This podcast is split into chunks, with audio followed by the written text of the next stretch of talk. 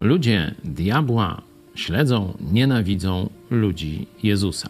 I to nie będę wam mówił o dzisiejszych czasach, o przeróżnych hejtach, hejterach i tego typu sprawach, ale cofniemy się 2000 lat temu do czasów Jezusa i jego apostołów. Wtedy już ludzie diabła też byli mm, na posterunku. Otwórzcie sobie Dzieje Apostolskie, dziewiąty rozdział i tam z samego początku mamy akcję kryminalną.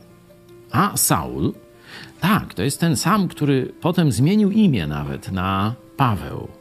E, apostoł Paweł, dodam. A Saul, wtedy hejter – a Saul, dysząc jeszcze groźbą i chęcią mordu przeciwko uczniom pańskim, czyli uczniom Jezusa, przyszedł do arcybiskupa, do arcykapłana.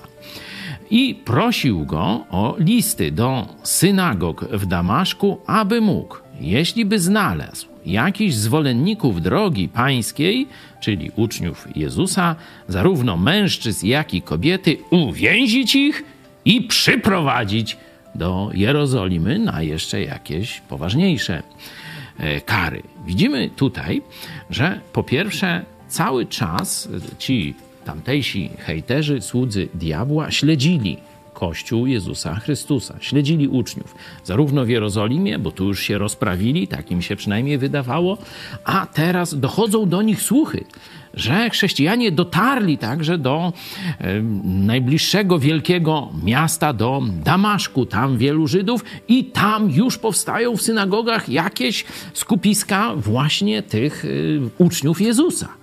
No i Paweł mówi: Wyślijcie mnie, ja ich tam wszystkich wyśledzę, wytropię i zamknę do więzienia. No, arcykapłan, przywódcy religijny mówią, super, że jest taki hejter młody jurny i taki gotowy do akcji, wysyłają go.